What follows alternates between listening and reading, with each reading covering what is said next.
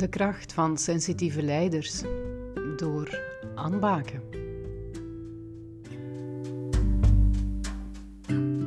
Christophe, goedemorgen. Dank je wel om tijd vrij te maken voor dit interview over de kracht van de sensitieve leider.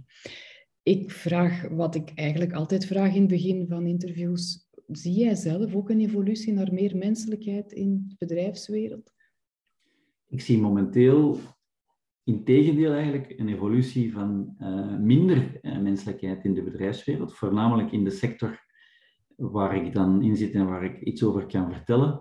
Uh, maar ik denk wel dat het absoluut dringend nodig is om meer menselijkheid te brengen in de bedrijfswereld. Wat ik, wat ik vandaag zie sinds een aantal jaar, is, is een drang naar meer ehm, performance, meer rendement ehm, we noemen dat dan high-performance organisaties, maar in mijn ervaring gaat dat heel vaak ten koste eh, van het, van het menselijke en wordt, uh, wordt dat dan vaak gecompenseerd met, met hogere lonen of grote bonussen, maar volgens mij is dat niet de manier om op lange termijn een, een duurzame, goed draaiende onderneming uh, uit te bouwen.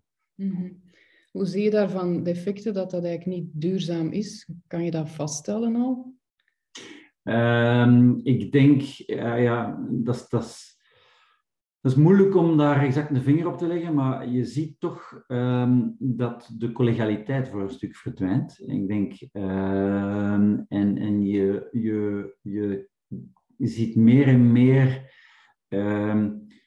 groepen van mensen die elkaar wel verstaan of al die elkaar niet verstaan, of die op dezelfde golflengte zetten en die dan een beetje wij-zij gevoel creëren, wat je natuurlijk niet wil in een onderneming, omdat je probeert toch, en, zeker als, als je de leiding hebt over een departement of over een heel bedrijf, probeer je van het volledige team op hetzelfde niveau van informatie en, en, en uh, mee te krijgen en zoveel mogelijk iedereen mee aan diezelfde kaart te laten trekken en je ziet uh, dat dat vaak uh, moeilijk wordt in, in de huidige performancegerichte ondernemingen. Ja, en wat probeer jij anders te doen? Want je zegt van, ik zie dat het heel performancegericht is, maar ik ben eigenlijk wel voorstander voor meer menselijkheid.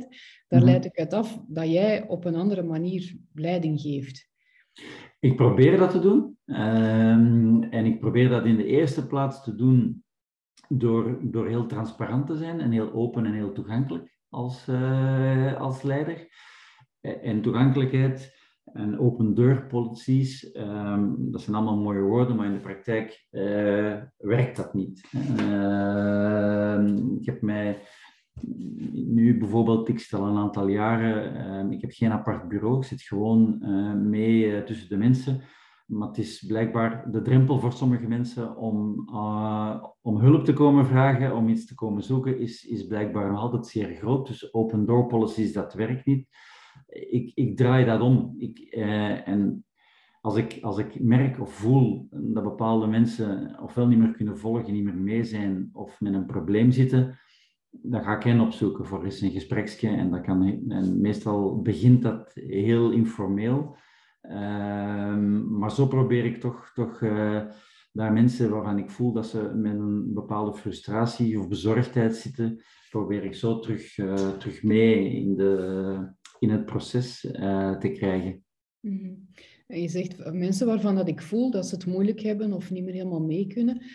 Dat, voor veel leiders is dat niet zo'n evidente dat voelen. Um, hoe werkt dat bij jou? Ja, wij, wij, dat is inderdaad niet zo'n evidente. Um, wij hebben in het bedrijf ook al een aantal jaren heb ik, heb ik uh, ervoor geijverd en we hebben dat nu systematisch gedaan om insights uh, profielen van iedereen te laten maken en om voor iedereen duidelijk te maken dat niet iedereen op dezelfde manier denkt en redeneert en, en, en, en voelt. En ik heb bijvoorbeeld één iemand in het managementteam Um, die dan, die dan uh, heel blauw gefocust is. Mhm. En die weet alles wat er gebeurt operationeel in zijn team, maar heeft nooit het idee van iemand die, die familiaal een probleem doormaakt of die niet goed in zijn vel zit en dergelijke meer. En daar probeer ik dan wel op, de, op, op een of andere manier voel ik altijd makkelijk aan en heb ik dat altijd gedaan dat er bepaalde problemen zitten of dat conflicten tussen bepaalde mensen bestaan of, of mensen die zich op een of andere manier niet goed in hun vel voelen.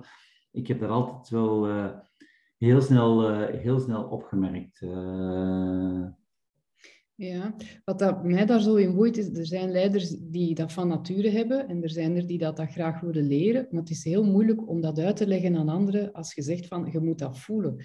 Merk ik zelf, hè, als ik daar leidinggevenden in begeleid. Heeft het te maken met um, daar aandacht voor hebben, daar, daarop letten? Of... Maar ik denk dat je dat kan leren voor een stuk. Bij mij bij mij is dat, uh, ik, heb de, ik, heb, ik heb de problematiek langs de andere kant gehad. Ik heb, ben altijd zelf heel intuïtief geweest. Ik heb altijd heel intuïtief dingen aangevoeld. Um, maar ik merkte al, al heel snel in het begin van mijn carrière dat bij bepaalde managers uh, waar je dan voor werkt en waar je aan moet rapporteren, um, dat je niet moet afkomen met ik denk dat dat het beste zou zijn. Um, maar ik heb altijd geworsteld met, met mijn intuïtie over iets eh, te formuleren en dan te gaan zoeken naar empirisch bewijsmateriaal om te kijken van is dat nu wel het goede gedacht. Dus ik heb, ik heb het altijd andersom gedaan. Ik heb, ik heb altijd vertrokken vanuit mijn intuïtief, intuïtief gevoel over een bepaalde problematiek en dan eh, geprobeerd om dat zo goed mogelijk te onderbouwen, om daar dan substantie aan te geven. Maar ik zie sommigen dat ook wel op de andere manier doen, van, van heel empirisch uh, te gaan en dan, en dan daarna te zeggen van de feiten lijken aan te geven dat, maar is dat, nu wel, is dat nu wel een goed idee? Maar sommigen blijven ofwel in het ene ofwel in het andere zitten. Ik denk, ik denk dat het noodzakelijk is van, van de twee met elkaar te laten samengaan op den duur, maar maakt niet zoveel uit van welke kant je komt initieel, denk ik. Ja, ja. Maar het is moeilijk om, om, om iemand iets te laten voelen die dat niet doorheeft. Je, je hebt mensen die niet zien dat iemand nieuwe kapsel, een nieuwe bril, uh, nieuwe kleren aan heeft, uh, met of zonder baard. Je hebt mensen die dat gewoon niet zien.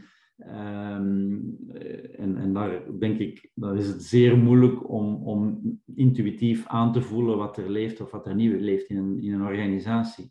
En, en dat gaat zeer ver, want ik, ik denk als, als ik dan kijk in een organisatie, ik zie vandaag ook heel veel organisaties waar iedereen het heeft over, ah, we zijn een goede organisatie, we werken, we werken samen um, en iedereen begrijpt, en, begrijpt elkaar en zo.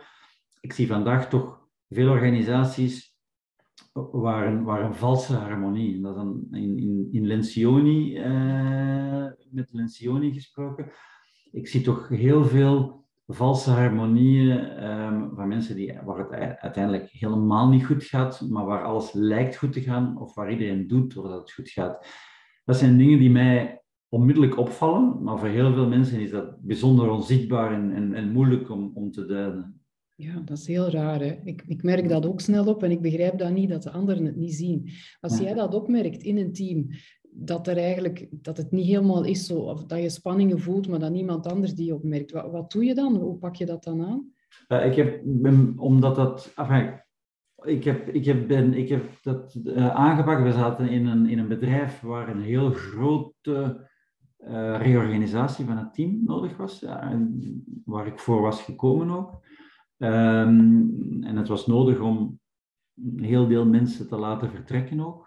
Ehm, en uiteindelijk is er meer dan, op vijf jaar tijd meer dan 50% uh, van, de, van, de, van het oorspronkelijke team is, is, is vertrokken. Denk, de meesten hebben wij gevraagd om te vertrekken. Een aantal hebben uh, de eer aan zichzelf gehouden, maar dat, dat was beperkt. En ondertussen zitten er een, van, van, de, van de 45, denk ik dat er 25 zijn vertrokken en 18 of 19 nieuwe zijn gekomen. Dus we zitten met een heel ander team. Um, dat leidt een, een, een grote, een, een, veel verjonging ook doorgebracht, want het team oorspronkelijk had een gemiddelde leeftijd van meer dan 50 en vandaag is dat uh, uh, ergens midden in het eind, eind van de 30, dus, dus uh, ook een grote verjonging. Dat schept wel wat problemen.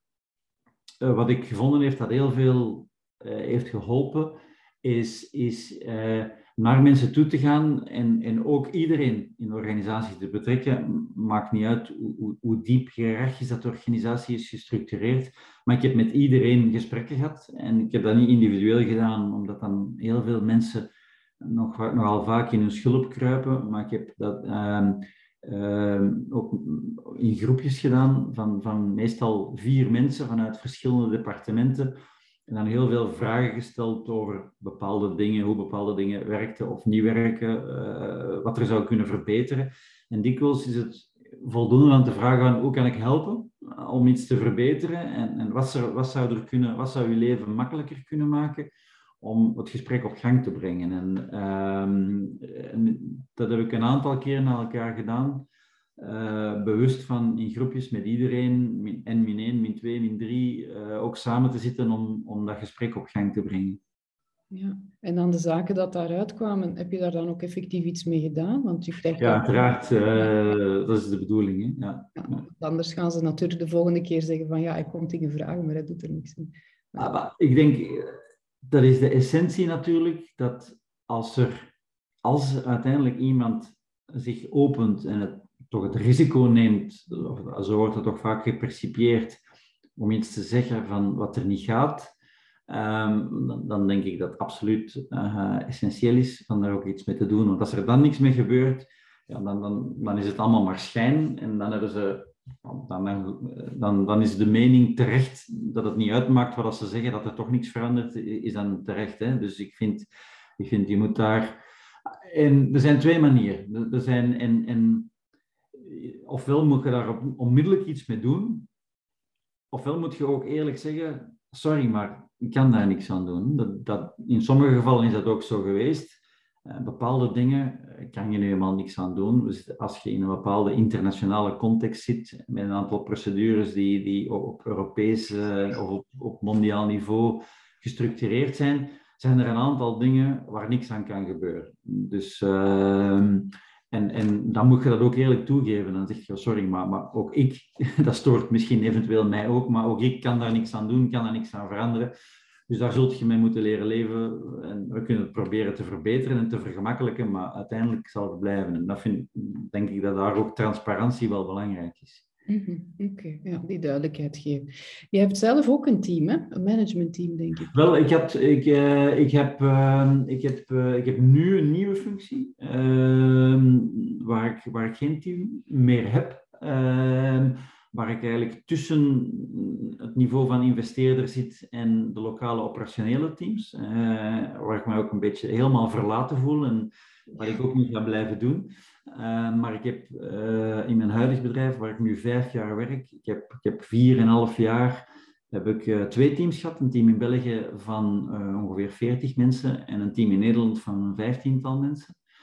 Ehm, dus ik, die, die heb ik aangestuurd, ja. Ja, en als jij in je eigen team ziet dat er daar spanningen zijn die niemand anders opmerkt, want daarnet had je het over, als ik ergens uh, kom waar dat ik een herstructurering of zo ga doorvoeren, dan ga ik met iedereen gesprekken doen. Maar als het nu gaat over je eigen team en je ziet daar zaken gebeuren, anderen merken dat niet op, of sommigen misschien wel, maar er wordt niet over gesproken.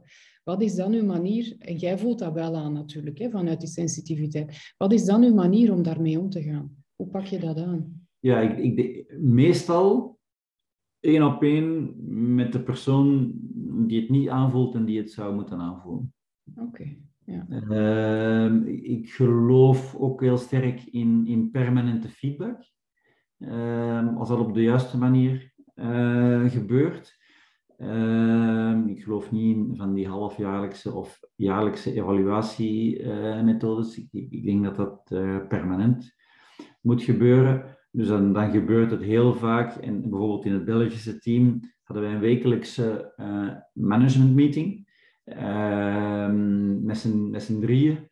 Ehm, managing director uh, was ik dan, met een portfolio director en een finance director.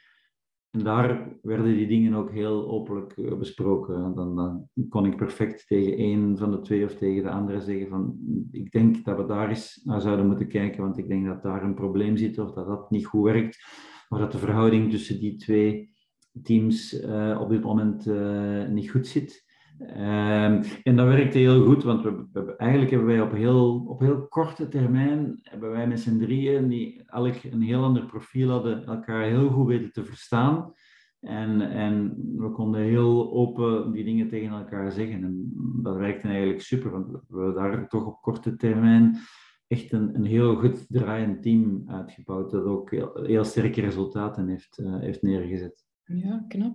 Heb je dan aangegeven dat jij dingen aanvoelt? Heb je daar een soort handleiding van jezelf gegeven? Hmm, ja, nee, omdat dat uh, misschien dat dat, ik weet niet, voor de iets jongere uh, jongeren makkelijker is. Maar ik heb, altijd, ik, heb dat, ik heb dat nooit geleerd. Ik heb ook nooit geleerd wat het was om, om sensitief te zijn. Uh, ik heb van kleins af aan altijd wel gevonden dat ik dingen intuïtief aanvoelde. Soms meer en vaak meer dan, dan andere mensen. Um, maar ik heb dat altijd van kleins af heel goed afgeschermd en, en, en moeten afschermen. Ehm, en, en dat is pas veel later dat ik dat bewuster ben beginnen, ben beginnen gebruiken. Dus, dus uh, ik, ik, leg dat niet makkelijk op tafel. -hmm. Je zegt, ik heb dat moeten afschermen vroeger. Eh, wat maakte dat je dat moest afschermen?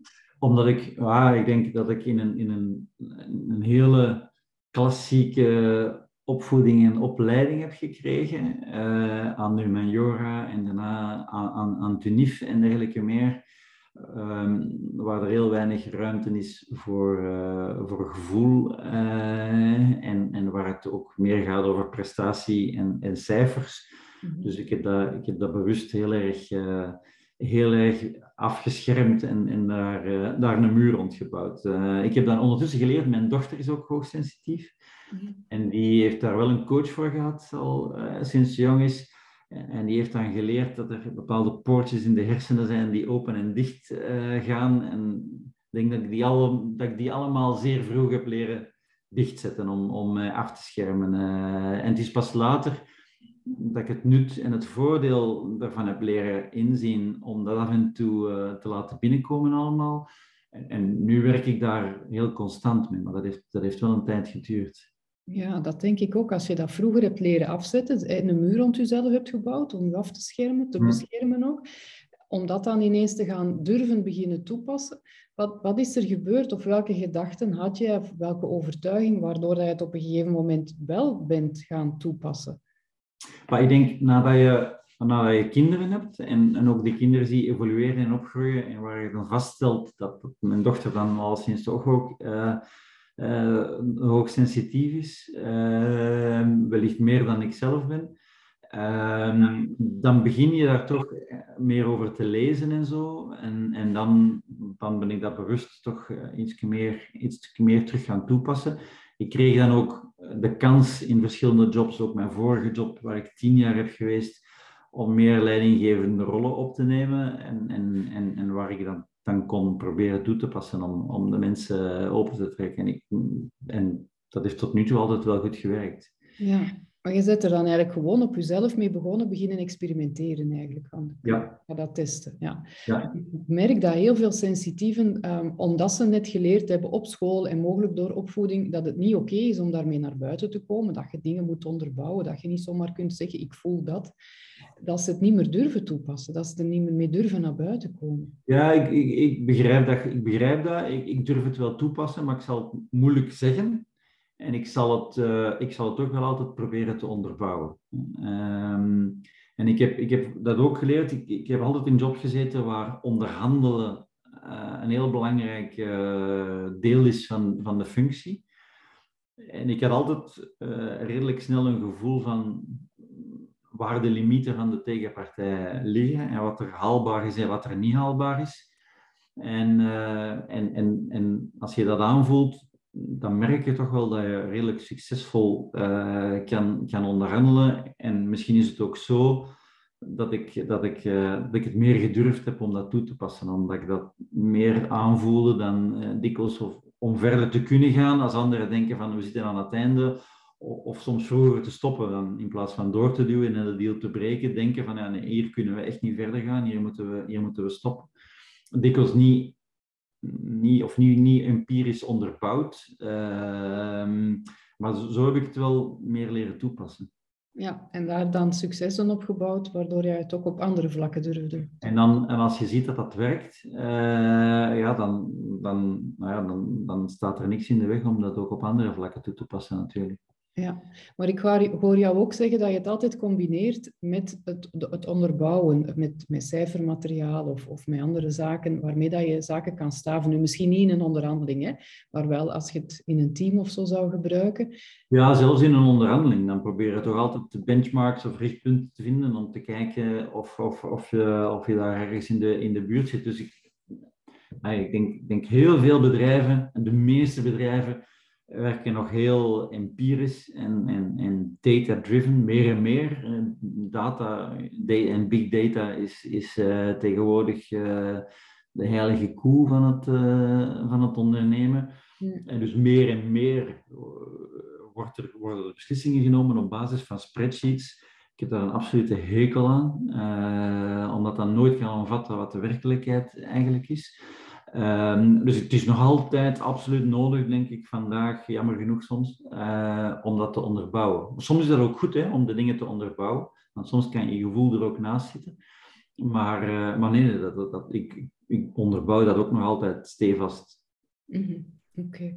Als je ziet dat er in jouw team mensen zijn die sensitief zijn, waarvan dat je aanvoelt van ze komen er nog misschien niet helemaal mee naar buiten of ze schermen het nog wat af, zijn er dan zaken die dat jij doet waardoor dat je hen dat meer laat benutten?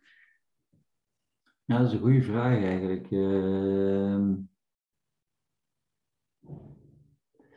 Nee, niet op zich. Um, wat ik wel doe, en waar ik ook wel in geloof, is, is kwetsbaar leiderschap.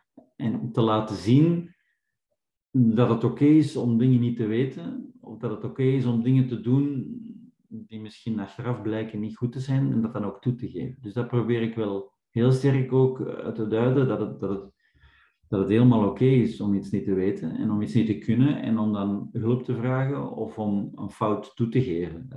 Um, in de hoop dat dat, dat, wat meer die ondernemingsgeest uh, stimuleert. Maar echt mensen daaruit hun schulp trekken, tot nu toe heb ik dat nog niet gedaan. Hè. Mm ja. Um, sommige leidinggevenden gaan bijvoorbeeld als ze zien, ah, die persoon die voelt zaken intuïtief aan, maar die durft dat niet helemaal zeggen, gaan uh, gesprekken faciliteren, waardoor dat ze meer vragen gaan stellen aan die persoon, dat dat wel dan uit die persoon komt. Of wat dat je ook heel vaak ziet, sensitieven nemen nogal heel veel verantwoordelijkheid op zich. Misschien herken je dat ook bij jezelf. En dat mensen er dan aan het onderdoor gaan zijn, omdat ze te veel naar zich toe trekken en dat leidinggevende die personen dan daar uh, op attent maken. Dat zijn zaken ah, dat je misschien... Ah, is dat zo? Dat wist ik zelfs niet, dat sensitieve, uh, maar dat is wel, dat doe ik ook automatisch. In. Ja. Ik, voel altijd, ik, voel me altijd voor alles verantwoordelijk. Uh, ja. En dat wist ik zelfs niet. Ja, dat is heel typisch, omdat sensitieven voelen veel aan, hè, zoals dat je net mhm. zegt, en hebben dan ook het gevoel dat zij iets moeten doen om het probleem dat zich voordoet, of waarvan dat ze verwachten dat het zich in de toekomst gaat voordoen, om daar iets mee te doen, om daar proactief op te reageren. Of... Ja, dat, dat, dat heb ik inderdaad. Dat, dat, dat, levert soms eh, inderdaad veel stress op, omdat je niet altijd er iets aan kan doen, omdat heel veel mensen het probleem helemaal niet zien. Dus, dus inderdaad, dat, dat, merk ik wel. Ja. ja. Maar ik heb het zelf nog niet toegepast om, om mensen daar uh, bij, te, bij te helpen. Ik heb wel een aantal mensen die ik, die ik afscherm en die, die ik bescherm tegen zichzelf. Om, om, uh, en waar ik af en toe wel een gesprek mee heb om een aantal dingen te relativeren. Uh, dat heb ik wel een aantal keren gedaan. Ehm, ik heb ook nu een assistente die, die die ook een onwaarschijnlijk groot uh, gevoel voor verantwoordelijkheid heeft en die nogal de neiging heeft om de kruiwagen overvol te laden, uh, die moet ik af en toe wel tegen zichzelf beschermen. Ja, dat klopt. Ja, ik ga eerst even terugkomen bij jou zelf. Je zegt ook, ik neem veel verantwoordelijkheid op. Dat geeft soms wel de nodige stress. Hoe ga jij dan met die stress om? Ja, door, door, meestal door het probleem uiteindelijk op te lossen. Maar dan zit je er natuurlijk wel een hele tijd mee. Hè? Dat, dat, dat knaagt wel aan je. Hè? Je bent ermee bezig dan. Ja, ja en, en dan is heel vaak, en ik denk dat dat ook afhangt natuurlijk op welk niveau in een onderneming dat je, dat je, dat je zit. Maar meestal als leidinggevende heb je wel meestal een mogelijkheid om het probleem toch naar je toe te trekken en, en er iets mee te doen. En in de meeste gevallen gaat het alleen maar weg als je het ook hebt kunnen oplossen, het probleem. Dus, dus, dus ik, ik zie nu vandaag, ik zit in een job die ik minder graag doe, om de belangrijkste reden is dat ik, dat ik geen team meer heb. En ik heb echt wel nodig, ik krijg energie uit het, uit het coachen en motiveren van een team. Maar ik zie dat ik vandaag 80% van mijn dagtaak dingen doe die eigenlijk niet mijn rol zijn, omdat ik die ten eerste leuker vind en ten tweede omdat ik zie dat als ik het niet doe, dat het, dat het niet gebeurt of dat het slecht afloopt. Dus, uh, dus en dan uiteindelijk dan op een, op een dag lukt dat niet meer en dan, uh, dus ik heb nu ook aangegeven dat ik dit niet ging blijven doen. Dus, uh, want, want eh, ik denk dat dat ook een nadeel is van iemand die, die sensitief is werken in een onderneming waar je je niet meer 100% in voelt. Ik denk dat heel veel mensen kunnen perfect dat 20 jaar doen. Ik kan, bij mij is dat onmogelijk. Als ik mij niet echt goed voel en als ik, als ik voel dat er te veel stress en frustratie en onuitgesproken spanningen uh, of problemen zijn, ik, ik kan daar niet in functioneren in zo'n organisatie. Oké, en dan weet je dan voor jezelf dat je dat niet kan en je durft het dan ook aankaarten. Ik weet, ik weet dat ik dat niet kan en, en, ik, uh, en ik, ik weet, en op den duur weegt dat ook fysiek. En dan weet ik dat ik moet veranderen van job. Dus ik heb, uh, ik heb, ik heb best wel in mijn carrière al een aantal switches uh, gemaakt, om, omdat ik gewoon vond dat het voor mij op was en dat het niet, niet verder ging en dat ik bewust naar iets anders ben gaan zoeken. En wat voel je dan fysiek, als ik dat mag vragen? Maar dat kan zich eigenlijk een algemeen gevoel van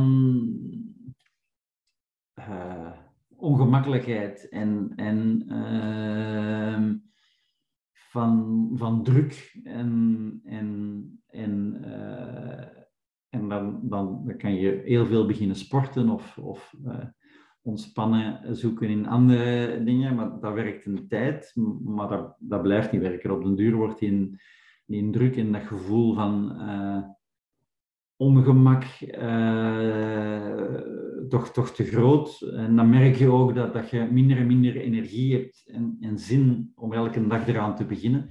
En dan, dan weet je dat dat genoeg is. Uh, en wat zijn bij jou, ja, ik noem dat dan triggers, die kunnen zorgen voor dat ongemak? Dat zijn zaken waardoor dat jij je dan niet meer zo oké voelt in een organisatie. Uh, voornamelijk, voornamelijk is dat eigenlijk als ik zie dat er beslissingen worden genomen in een organisatie waar ik geen impact op heb of kan hebben, die, waar ik van voel dat er dingen verslechteren in de organisatie. En, en dat, kan, dat kan bedrijfscultuur zijn, dat kan motivatie zijn, uh, dat kan verbondenheid van verschillende teams met elkaar zijn. Als, ik, als er dingen gebeuren waardoor dat, dat begint af te brokkelen of te verslechteren en, en ik weet dat ik er niks aan kan doen om dat te verbeteren, omdat het buiten mezelf ligt, um, dat zijn meestal de belangrijkste triggers waardoor ik me slechter begin te voelen. Ja, dat komt eigenlijk ook vanuit een, um, uw verantwoordelijkheid voelen voor het grotere geheel, of, of toch geconnecteerd zijn ook met het grotere geheel. Hè. Je wilt dat het goed gaat en, en, dat weegt dan te zwaar als je merkt dat het verslechtert. Dus ik heb nu bijvoorbeeld gedurende meer dan vier jaar dat team in België geleid en helemaal geherstructureerd, opgebouwd uh, tot een goed draaiend team. Uh, vandaag, dus ik zit in in een, in een bedrijf dat, dat, uh, dat Europees, een Europees bedrijf is. En er is per 1 januari van dit jaar beslist om alle operationele functies niet meer lokaal te laten rapporteren aan een lokale managing director, maar, maar internationaal, naar een, naar, een naar een Europese verantwoordelijke voor de verschillende departementen. En ik zie wel dat wat ik heb geprobeerd, eh, ik zat in een heel gesilo, ik kwam terecht in een heel gesiloed bedrijf vijf jaar geleden, waar mensen eigenlijk totaal niet met elkaar praten en niet wisten van elkaar wat ze deden. Um, ik heb er hard aan gewerkt om dat te doorbreken en om te zorgen dat iedereen echt constructief met elkaar samenwerkt, dat ook iedereen weet wat zijn de objectieven van de ander. En vandaag, door die Europese lijnen, ziet je dat, ziet je dat terug allemaal afbrokkelen en ziet je die silovorming terug optreden en mensen die niet meer met elkaar praten en mensen die niet meer met elkaar willen of, samenwerken of, of, toch veel moeilijker. En dat vreet ongelooflijk aan mij, maar ik kan die veranderen omdat de organisatie is wat ze is. Er is beslist om dat Europees te structureren en, en ik zit dan ook in een Europese functie, maar, maar ik, ik, ik denk dat dat een fout is. In, in de vastgoedbusiness moet je, moet je lokaal oversight hebben, want uh, uh, anders wordt er te veel op Excel beslist en, en niet meer op, op kennis. En, uh, en dus bijvoorbeeld, dat, dat is iets wat mij vandaag enorm, enorm stoort. Ja, en dan weet jij van, het is voor mij de moment terug om te veranderen. En dan doe je dat ook, want ik merk bij heel veel sensitieven dat ze soms wel aanvoelen van ja, die organisatie past niet bij mij, of die job of die functie past niet bij mij, maar dat ze niet de moed hebben om iets anders te zoeken. Welke gedachten heb jij of, of wat helpt u om dat dan wel te doen, om dat wel te durven? ik denk, het is voor mij gemakkelijker wellicht dan voor vele anderen. Ik ben ondertussen 54. Uh, ik heb al een aantal heel mooie en goede jobs gedaan. Ik heb een vrouw die ook een fantastische job heeft.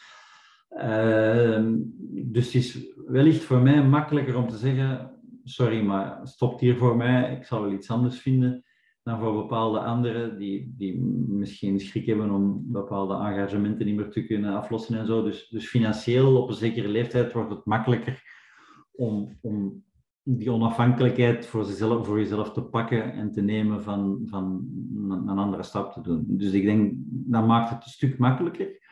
Maar, en dat heb ik altijd gehad, uiteindelijk gespendeerd een heel groot deel van je leven op het werk en werkende. Ehm, voor mij gaat het niet om daar ongelukkig, uh, ongelukkig elke dag aan te beginnen, want dan, dan heb ik helemaal geen energie en dan uh, kan ik, vind ik van mezelf ook dat ik, dat ik niet presteer zoals ik zou kunnen presteren. En dan, dan, word, ik, dan word ik heel uh, gespannen en ongelukkig van. En wat zich dan ook uit in mijn privésituatie. Dus, dus nee, dat, dus dat, dat, werkt helemaal niet. Mm. Ja, dus ik, ik hoor jou zeggen van dan kan ik niet presteren zoals dat ik zou willen kunnen presteren. En dat dat voor jou wel een belangrijke driver is, dat je ergens iets kunt ja. teweeg brengen, dat je toegevoegde waarde kunt brengen. Absoluut, absoluut. Ja. En als je voelt dat je dat niet meer kunt, dan is voor u het belangrijk om te kunnen veranderen. Ja, ja. ja. ja en ik heb, dat, ik heb dat al systematisch, systematisch gedaan. Als ik, als ik vond uh, dat er geen toegevoegde waarde meer was. Uh, of ik mij niet ook, het kan ook zijn dat ik mij niet meer kan vinden of dat ik mij niet meer vind in, in de manier waarop uh, in een bedrijf wordt gewerkt, dan, dan, dan, dan ben ik ook weg. Ik moet mij heel sterk kunnen identificeren met het project van, van een bedrijf of het project waar ik aan werk, om, om, om daar goed in te kunnen werken. Ik, ik, kan niet zomaar eender waar, eender wat gaan doen, want bij mij hangt het af of ik, of ik erin geloof en of ik er mij in kan vinden of ik ook efficiënt ben. Ja, heeft het ook te maken met zingeving? Sensitieven vinden zingeving nuttig kunnen zijn, die toegevoegde waarde kunnen brengen in een job vaak belangrijk. Speelt dat bij jou ook? Van? Ja. ja, maar ik dacht dat dat bij iedereen zo was, eerlijk gezegd. Ja, nee. bij sensitieven is het uh, nog belangrijker om een job te hebben waarin dat zij die zingeving vinden. Anderen kunnen dan eventueel zingeving buiten de job vinden, maar voor sensitieven, zoals dat je zegt, die hebben daar enorm energieverlies door. Als ah, niet... Ja, nee, nee, nee, nee. Enkel zingeving buiten de job, dat werkt voor mij niet. Dat is, uh, ik, moet, ik moet absoluut uh, mij kunnen vinden. En, en dat is niet bij mij, als ik een nieuwe job kies, dan, dan is het het financiële en de package erbij komt, die staat bijna op de laatste plaats. Ik denk, er zijn een aantal principes die ik belangrijk vind in een job en in een bedrijf. En, en, en als ik die niet terugvind, en, en dat zijn uh, bijvoorbeeld, ik vind het helemaal heel belangrijk vandaag, en zeker in het vastgoed, om, om duurzaam te werken. Uh, dus ik wil een bedrijf dat duurzaam is. Ik wil ook een bedrijf met een, met een groeitraject en met een bepaald project en ambitie om iets te realiseren want werken in, in de routine en de continuïteit van elke dag hetzelfde gedurende tien jaar, dat, dat, dat zou voor mij ook niet werken. Um, en zo zijn er een aantal dingen waarvan ik vind dat ze absoluut aanwezig moeten zijn uh, om, om mij ervoor te kunnen inzetten. Anders, anders dan doe ik dat niet. Die, uh, die factoren die dat je nu opnoemt, hè, waarvan dat je wil dat die aanwezig zijn in een bedrijf als je daar naartoe zou gaan. Eh, hoe ben je daartoe gekomen? Is dat via zelfreflectie of hoe, hoe ben je op die punten gekomen? Maar denk ik door een aantal dingen te doen en door, door te reflecteren. Elke keer als je je, cv vastpakt en, en, en is update en je loopt er eens door, dan realiseert je je dingen. Uh, en ik ben, ben mij een tijd gerealiseerd dat ik heel sterk ben op het werken in, op projecten. En dat kan één enkel project zijn of dat kan een project zijn van lange duur. Um, en bepaalde grote ambities van groei in een bedrijf. Um, maar als dat dan aan een einde komt, dan, dan houdt het voor mij op. Ik heb bijvoorbeeld uh, vijf jaar voor quick-restaurants gewerkt. En ik was verantwoordelijk voor uh, expansie en franchise in de, in de Benelux. En ik ben toen ook met een collega hebben wij heel de Centraal-Europese markt verkend. En we hebben uh, een aantal zeven restaurants opengedaan in Hongarije en, en, en Slovenië. En op een zeker moment, uh, toen de Giepgroep uiteen begon te vallen en, en GB werd verkocht en Brico en, en Lunchgarden en dan ook Quick werd verkocht, dan kwam de melding van uh, ja, die activiteiten in Centraal-Europa, dat, dat, dat, maakt Quick niet verkoopbaar vandaag. Dus je moet dat terug verkopen en, en we gaan terug naar de stabiliteit en is dat veel beter verkoopbaar. En onmiddellijk was dat voor mij gedaan, want dat was runnen van een stabiel portfolio om het bedrijf verkoopbaar te maken. En waar ik dan niet bij betrokken was bij die, bij die verkoop, want op zich is M&A natuurlijk ook wel iets leuk om te doen. Maar dan, dan hield het voor mij op en dan ben ik iets anders gaan zoeken. Dus, dus, dus um, ik werk graag aan, aan, ja, aan, dingen waar, waar een zekere ambitie in zit en waar een zekere uh, groei in zit, uh, of transformatie in zit. Dat vind ik, dat vind ik wel leuk. Ja, en je hebt dat voor jezelf heel helder. En ik denk dat dat voor sensitieven belangrijk is om het voor zichzelf ook helder te hebben. Wat zijn belangrijke factoren dat ik nodig heb om mij goed te voelen in mijn werk? En via zelfreflectie kan je daartoe komen. Je hebt ook gezegd van op basis van mijn cv, van eens terug na te denken, wat vond ik leuk, wat vond ik niet leuk, heb ik daar zicht op gekregen. En dat ook consequent blijven toepassen. Dus wel sterk dat je dat van nature zo gewoon doet. Ja. Ja, ja, ik ben wellicht ook uh, heeft dat te maken met uh, hoe goed dat je omringd bent, uh, zowel binnen als buiten het werk. Ehm, die, dat u ook toelaat om dat te doen. Ik denk, ehm, ah, ik heb een, een hele goede vriendengroep ook, waar, waar wij heel open over een aantal dingen altijd met elkaar gepraat hebben en zo. Dus, dus ik denk dat dat ook wel uh, helpt om die reflectie te brengen. Dus, dus, dus wat dat betreft, denk ik, uh, nou, kan ik me inbeelden dat het niet, niet voor iedereen even makkelijk is om, al dat, om dat allemaal te doen. Ja. Wat zou je mensen die ergens vastzitten in een job waarvan dat ze voelen van dat is hier toch niet helemaal mijn ding, wat zou, dus die sensitief zijn dan ook, hè? wat zou je die aanraden? Ik, ik ga ervan uit dat iemand die sensitief is, ook heel snel de vinger op de wonden kan leggen van waarom zit ik vast? En, en, en, en wat, stoort er, wat stoort er mij in mijn job? En dan zijn er twee dingen die je kan doen. Dan, dan, dan weet je ook heel snel, um, kan ik daar iets aan veranderen of kan ik daar niks aan veranderen? Um, en dan kan je twee dingen doen. Ofwel kan je daarover gaan praten met ofwel je manager of de HR-verantwoordelijke of, of weet ik wie ofwel kan je de beslissing nemen om iets anders te gaan zoeken. Maar ik denk, als het, als het inderdaad zo is, eh, dat het voor alle meer sensitieve mensen belangrijk is om die zingeving te vinden, dan, dan denk ik dat, dat, er absoluut, dat je daar iets mee moet doen. Eh, want ik denk, eh, het is voor sensitieven wellicht nog moeilijker dan voor alle anderen om te blijven zitten met een gevoel dat je niet op de, plaats, de juiste plaats zit en dat er iets wringt en dat het niet goed gaat. Uh, ik weet het van mezelf, dat, allee, ik kan daar echt, dat kan, dat kan een aantal maanden duren, maar dat kan niet langer duren, want uh, ja, ik, laat dat, ik laat dat niet toe en dat is ook onwerkbaar na een zekere tijd. Dus ik zou, ik zou dan eerst de zelfreflectie ook maken, eventueel er eens met iemand over babbelen, want dat, dat, vind, ik, dat vind ik ook wel belangrijk.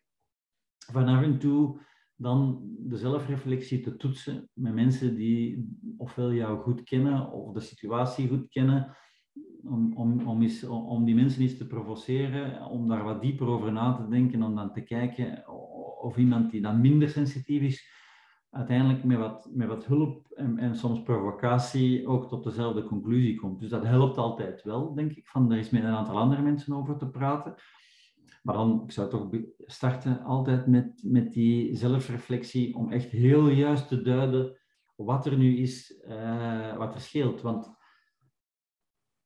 als, als meer sensitieve uh, zo'n probleem te moeten aankaarten met iemand die per definitie minder sensitief is, omdat hij het probleem niet ziet, daar heb je ook, ook wel de nodige bagage en materiaal voor nodig om dat probleem dan ook te kunnen uitleggen en te kunnen duiden en te kunnen blootleggen. Want heel vaak is er een probleem wat anderen absoluut niet ervaren als een probleem. Dan moet je een manier vinden om dat op die manier te kunnen uitleggen, dat het ook voor anderen duidelijk is van, ah, dat zou inderdaad wel een probleem kunnen zijn, of dat is misschien wel een probleem. En, en, en, en dan, daar moet je goed over nadenken, van hoe kan ik dat, hoe kan ik dat substantie geven, dat, dat gevoel dat ik heb. Dat vind, dat vind ik, dat is wel heel belangrijk, om dat goed te doen. Ja, dat is ook geen... Want het heeft vandaag nog altijd geen zin om te zeggen van, ik denk dat we een probleem hebben.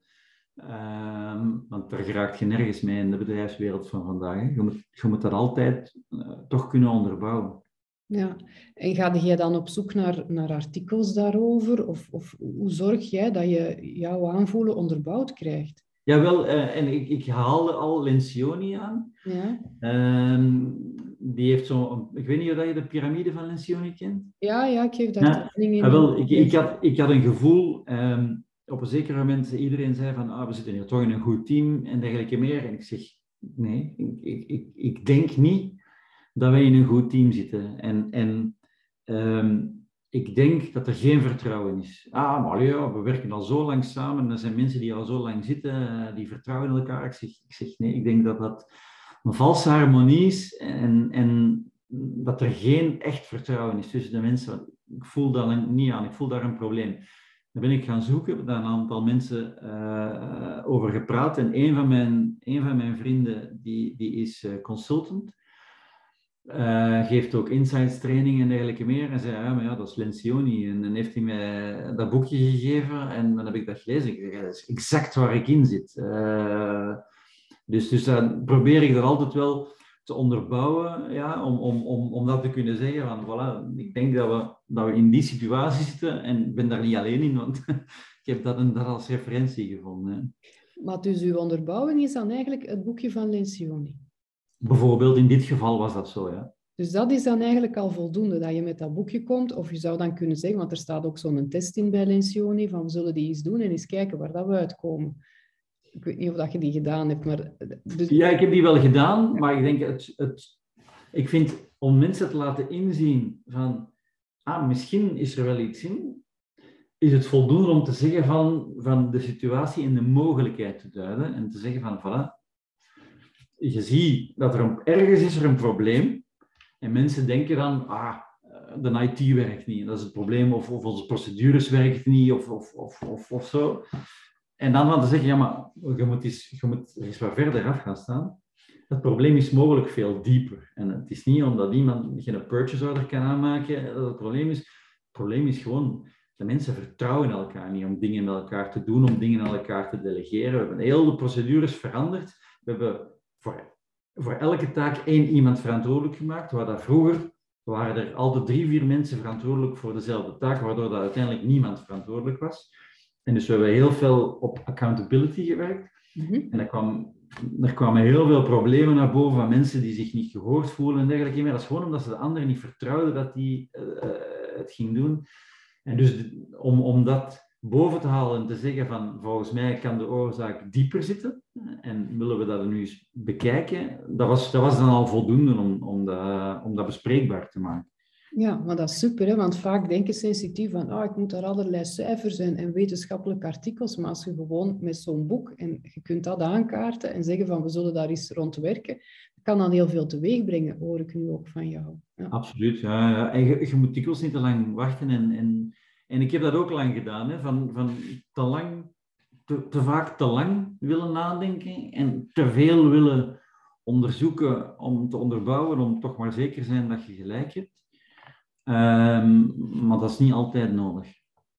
En, en wat heeft jou geholpen? Welke overtuiging heeft jou geholpen om niet meer te lang te wachten, om daar sneller mee te komen?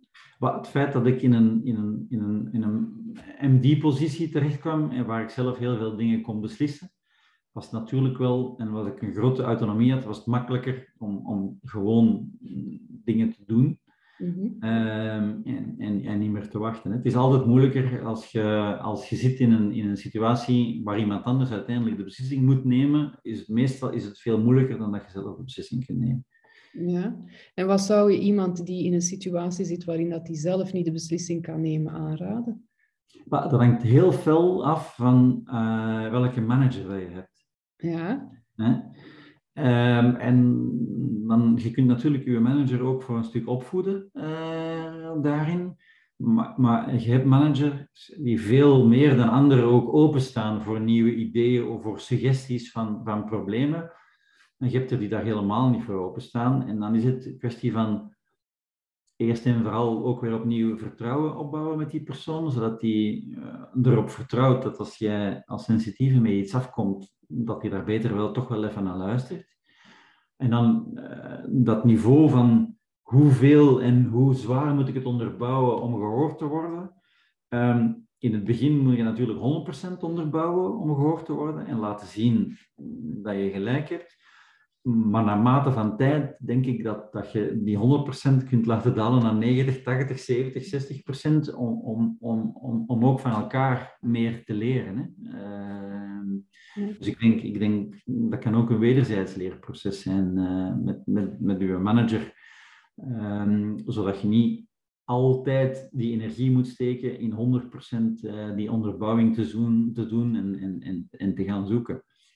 En, en, en zo werkt het ook in twee wegen. Ik heb eh, bijvoorbeeld nu, uh, ik heb gedurende, hij is nu doorgegroeid naar een andere functie, um, maar ik heb lang met een, een, een transaction manager samengewerkt, um, die heel analytisch, wiskundig, uh, financieel was.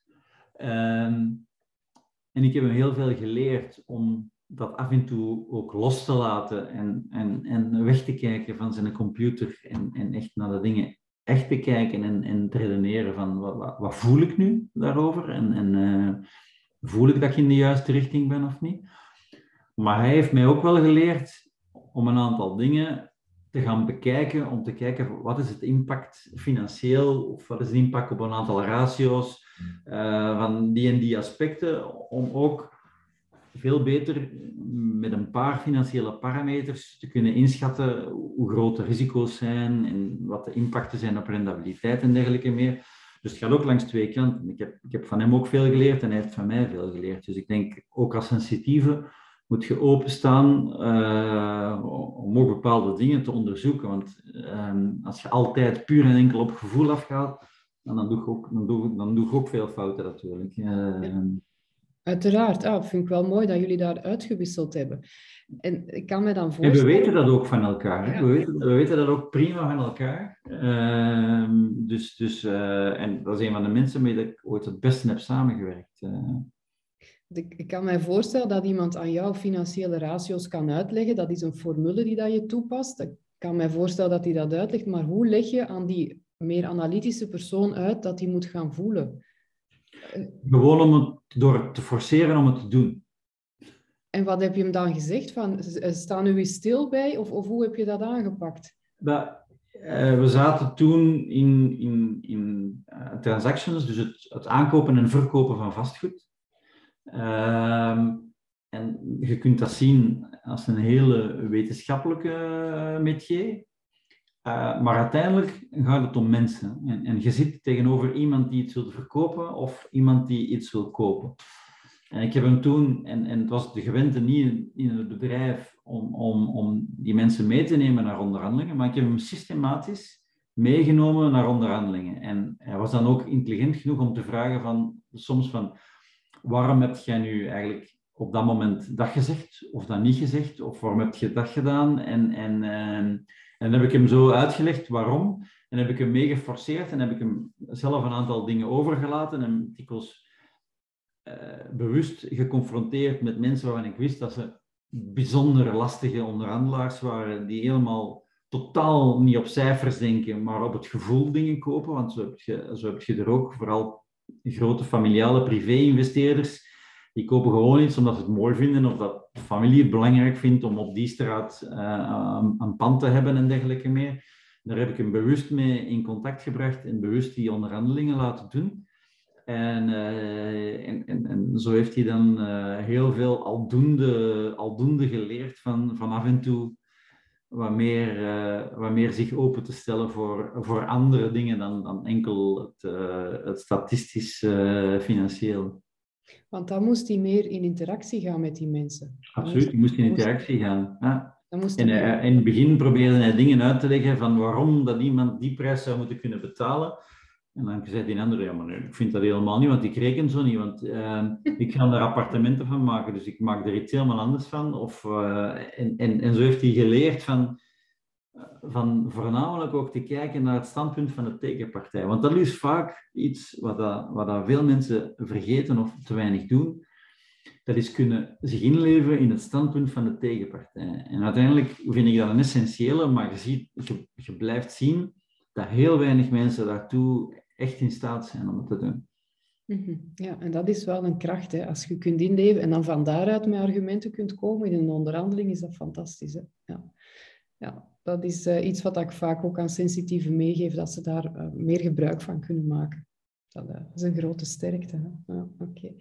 um, ik heb nog een vraag dat ik toch zeker nog aan u wil stellen. sensitieven hebben vaak last van overprikkeling, hè? want er komt heel veel binnen. Daardoor mm. weet je ook veel, voelt ook veel aan. Hoe ga jij om met overprikkeling?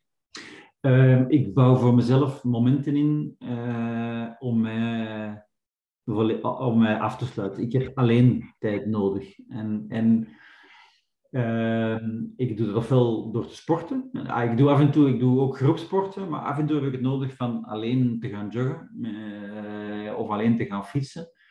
Ehm, muziek werkt daar heel goed mee. Ehm, van, van dikwijls gewoon, bijvoorbeeld als je lang in een auto zit, van, van is niet de ene telefoon aan een andere te doen in de auto, maar gewoon even gewoon uh, een Spotify-playlist op te zetten en, en even af te zonderen. Uh, en ik ben ook altijd een gamer geweest. Dus, uh, dus gamen of lezen, dan voornamelijk fantasy, iets dat, iets dat totaal niks te maken heeft met de realiteit van de dag dat, dat, dat, dat brengt mij tot rust. Ah, dat ben ik nu wel geïnteresseerd uh, met dat gamen. Maar dat is omdat ik zelf een zoon heb dat graag gamet. En ik denk altijd van, die graag daar compleet van overprikkeld. Want die beelden, dat flitst over het scherm. En nu hoor ik van jou dat je daarvan tot rust komt. Ja, ja dat is... Ja, dat, dat, dat prikkelt wel. Maar ik vind dat brengt al de prikkels die je gekregen hebt in de andere omgeving, uh, brengt dat tot rust. Ah, oké. Dus als ik, als ik een super drukke dag heb gehad op het werk en, en, en, en, veel stress en zo, s'avonds gewoon on, online een game spelen met, een vriend of zo, um, dat is ongelooflijk eh, rustgevend en, en, en relaxerend, vind ik. Ja. En kom je dan op dat moment terug meer bij jezelf? Is, is dat wat dat er gebeurt? ik weet niet hoe dat ik dat moet omschrijven, maar, maar dat, uh, dat geeft mij de nodige terug gemoedsrust om terug de volgende dag over dat probleem opnieuw met de nodige afstand en balans uh, te kunnen praten en nadenken.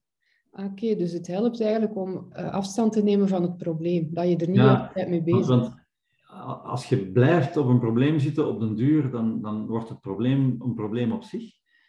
Um, en, en, en dat is niet goed. Dus je moet dat van je kunnen afzetten. Dat is dikwijls voor mij heel moeilijk om dingen van mij te kunnen afzetten.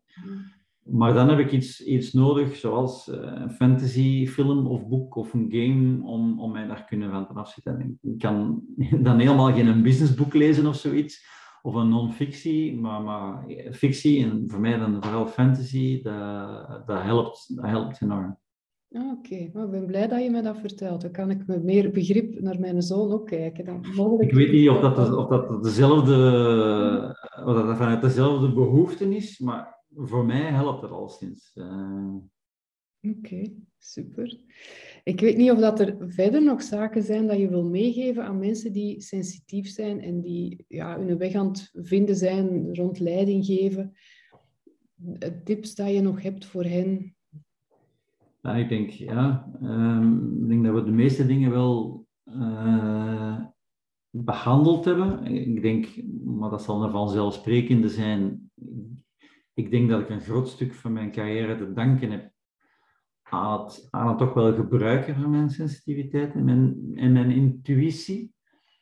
Uh, eerst steeds heel goed onderbouwd, maar naarmate ik ouder werd en er meer op heb leren vertrouwen, uh, minder en minder onderbouwd. Uh, maar toch nog wel altijd, toch nog wel altijd met de gezonde reflectie ehm, van is het gevoel nu wel goed of zijn er risico's aan, aan het gevoel? Dus dat, dat, dat, mag, dat mag nooit uit het oog verloren worden natuurlijk, denk ik. Maar ik zou, ik zou er alle, alleszins uh, beroep op doen.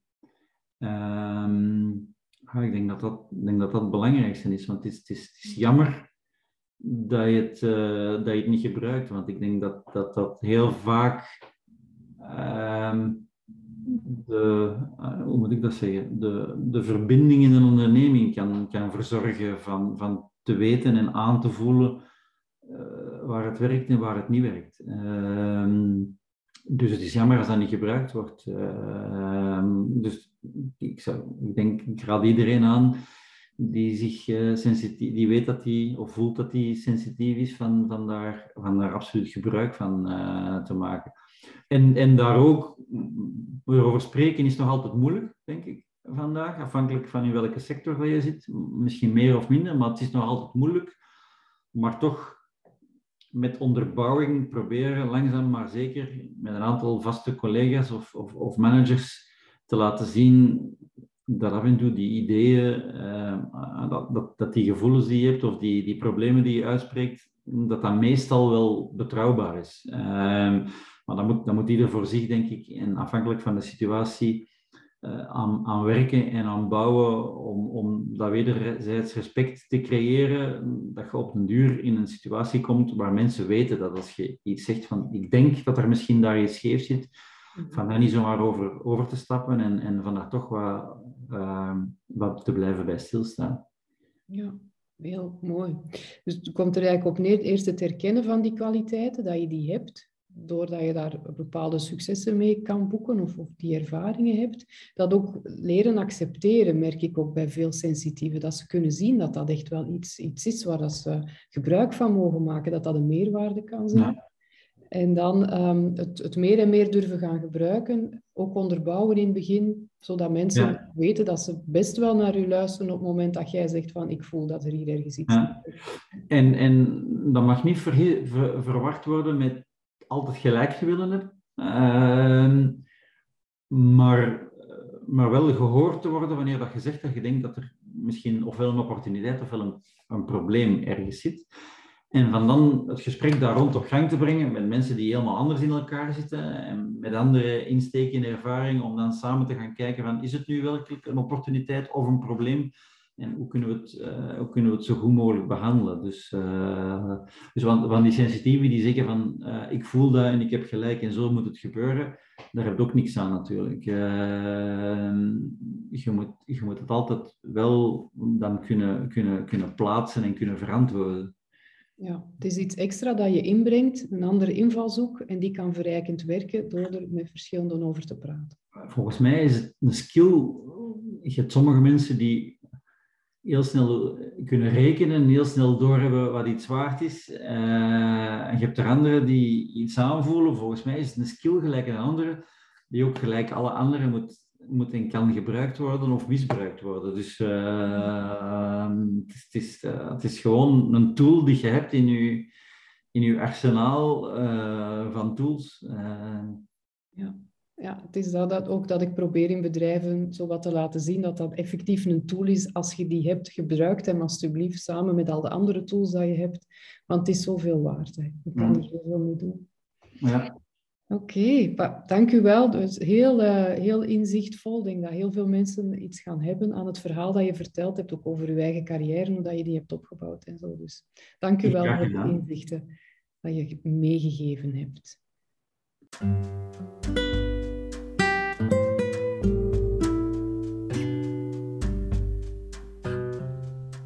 De kracht van sensitieve leiders door Anne Baken.